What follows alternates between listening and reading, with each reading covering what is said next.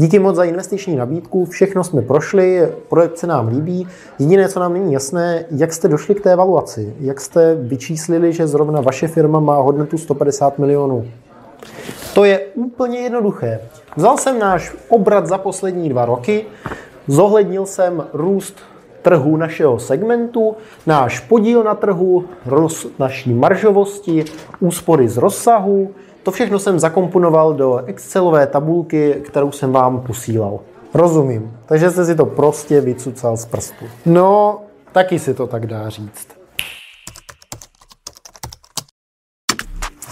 Ahoj, já jsem Kiriuran, vedu advokátní a daňovou kancelář Simpotex a Simplo. No a dneska, dneska se podíváme na to, jak hledat investora a kolik si říct. Tohle video je pro všechny startupery, pro všechny podnikatele, kteří hledají do svého podnikání investora. A dneska se pobavíme o valuaci vaší společnosti, čili jakou má vlastně hodnotu. Rovnou uvedu, že se budeme bavit o valuaci startupů, o valuaci společností, které nejsou kotované na burze, které nejsou veřejně obchodovány. Bude se to týkat jak v případě vstupu investora, tak i v případě exitu, to znamená, když svoji společnost odprodáváte. Jdeme na to. První, co je třeba říct, je valuace. Valuace je ohodnocení vaší společnosti. Rovnou si pojďme nalít čistého vína.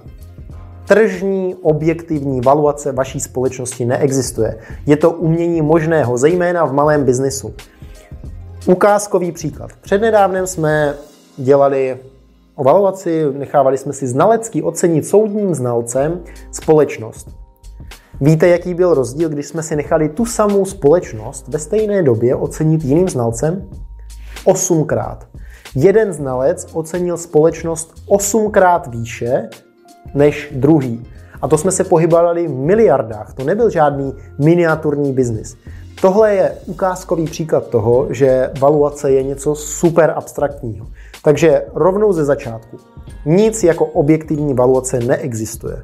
Samozřejmě, v investičním světě se budete setkávat s mnoha investory, kteří eh, velmi často studovali ekonomku a mají pocit, že když už to teda vystudovali oceňování, že budou vědět něco víc, že jejich eh, vědomosti jsou hodnotné a budou se snažit tomu dát nějakou konkrétní formu, ale realita je úplně jiná. Opravdu, co se setkávám se startupy, tak eh, ta valuace se pohybuje jenom v range. Ta valuace se pohybuje jenom v nějakém rozmezí, ale to rozmezí je obvykle prostě několikonásobné. To znamená, že nevím, od milionu do 15 milionů. A tohle je místo, kde se budete pohybovat a kde budete moct eh, tu vaši společnost eh, ohodnotit. Co určuje valuaci a co je jediný objektivní ukazatel, je trh. Pokud vám za to někdo zaplatí, tak ta společnost tu hodnotu má, nebo hodnotu minimálně má tu cenu. Takže jediná valuace je, co dostanete peníze na trhu. Jak si teda máte investorovi říct o peníze a jak nastavit celý ten investiční proces a valuační? Tohle není konkrétní postup, nic jako univerzální příručka neexistuje, ale to je v podstatě pár rad, které se nám v praxi osvědčily. První věc, vycházejte z toho, kolik peněz potřebujete. Nezamýšlejte se zatím nad tím, jakou valuaci má vaše společnost, ale řekněme, potřebujete na v tomhle investičním kole získat 10 milionů. To bude částka, od které se budete odpichovat. Další rada je, uh, spočítejte si valuaci sami, ale investorovi ji neříkejte. Je dobré přijít s tím, kolik peněz potřebujete, ale osvědčilo se nám nepřicházet s tím, kolik procent za to dáváte. Nechat investora, ať eh, to vymyslí za vás, nebo ať eh, aspoň on má ten první výstřel. Protože často je to tak, že se sami okradete. Nedávno jsem eh, řešil jednu investici, kde první eh, v podstatě nástřel, se kterým ten founder byl úplně v pohodě, je, že dá za 20% společnosti dostane 8 milionů. Eh, potom, co jsme se pobavili o tom, jaká je tržní realita a co je možné získat, tak jsme nakonec eh, investici uzavřeli za 25 milionů za 10%. Ohromný rozdíl. A pokud by ten startupista přišel k investorovi už rovnou s konkrétní částkou, tak se nestane, že vám investor dá víc. Takže v tomhle ohledu je lepší ze začátku mlčet. To se nám minimálně v naší praxi poměrně dobře osvědčilo. Další věc, která poměrně dobře funguje, je kotva. Ehm, je to klasické vyjednávací kliše, ale kotva zkrátka funguje. Pokud se zakotvíte na 5 milionech, tak se nikdy nebudete bavit o 20. Ehm, s tím, že slevit není ehm, ostuda, pokud to není vyloženě bizár. Jde, jde o to, abyste měli ospravedlněné, na co ty peníze potřebujete. To znamená, že co je podstatné mít pro investora argument, je, že tohle množství peněz utratíme tak a tak. Můžete mít klidně scénáře, pokud bude těch peněz míň, tak je utratíme takhle a takhle, pokud jich bude víc, utratíme je takto a takto a k valuaci se dostanete až potom. Teď, jak se valuace počítá v tom startupovém světě? Existuje pre-money valuace a post-money valuace. Pre-money valuace je předtím, než tam dotečou ty investorské peníze. Takže modelový příklad. Chceme získat od investora milion korun naše pre-money valuace je 9 eh, milionů korun společnosti. To znamená, že pokud eh, investor nám do té společnosti nasype milion korun, tak post-money valuace bude součet pre-money valuace a toho, co investor eh, do společnosti vložil, čili 10 milionů korun. A podíl investora bude 1 milion romeno 10 milionů, čili 10% No, takže eh, u stanovení podílu investora se vždy vychází z postmoney valuace. Tohle je taková základní investorská eh, matematika, kterou byste měli znát. A pokud investor dostane ve vaší společnosti 20% za milion korun, no tak jste měli zjevně premany valuaci 4 miliony. Je to úplně jednoduché. No a jak odpovědět investorovi na jeho otázku z začátku tohohle videa, jak jste k vaší valuaci došli? No, úplně jednoduše. Eh, nemám asi nic proti tomu říct, že valuaci jsme odhadli. Je to úplně v pohodě a jediný co, tak potřebujete tu valuaci potvrdit nějakými argumenty. Myslím si, že žádný rozumný investor si nebude hrát na to, že vaše společnost stojí ne 33 milionů, ale 30 milionů ve fázi, kdy ještě nevydělává a bude vydělávat až za pět let, potom co uděláme čtyři investiční kola. To je bizár. Vy uh, jediný co, tak potřebujete tu valuaci něčím potvrdit. To znamená, že my cílíme na takhle velký trh, my uh, máme takovouhle marži, naše marže tímhle způsobem poroste, uh, pokud budeme mít více zákazníků. Tohle je zhruba tempo růstu našeho našich zákazníků. Meziročně rosteme o tolik a o tolik, obraty nám rostou takovýmhle způsobem. Máme takovéto úspory z rozsahu. Tohle jsou všechno věci, které můžete používat jako argument. Není to ale konkrétní, že vám to vyčíslí tu, tu startupovou valuaci. A typicky budete vycházet tak, že si řeknete, chci 10 milionů korun.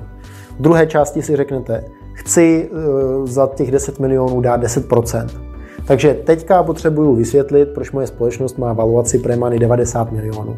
No a to budu vysvětlovat na základě toho, že ukážu investorovi, že když nám nasype ty peníze do společnosti, tak za pár let to bude takovouhle hokejku a už přizpůsobím ty argumenty eh, tomu, eh, jakého výsledku potřebuji dosáhnout. Protože jako nikdo vám neřekne, jestli máte počítat valuaci z toho, jak vám rostou zákazníci a jakou marži máte na zákazníkovi a jaké je jeho lifetime value, nebo z EBITDA, kolik vám roste meziročně, nebo z nějakých budoucích cross-sellů a upsellů, co budete mít v rámci společnosti. To je všechno hrozně abstraktní. Čili můžete to přizpůsobit a můžete vy vyhodit tu kotvu, na základě čeho valuaci počítáte.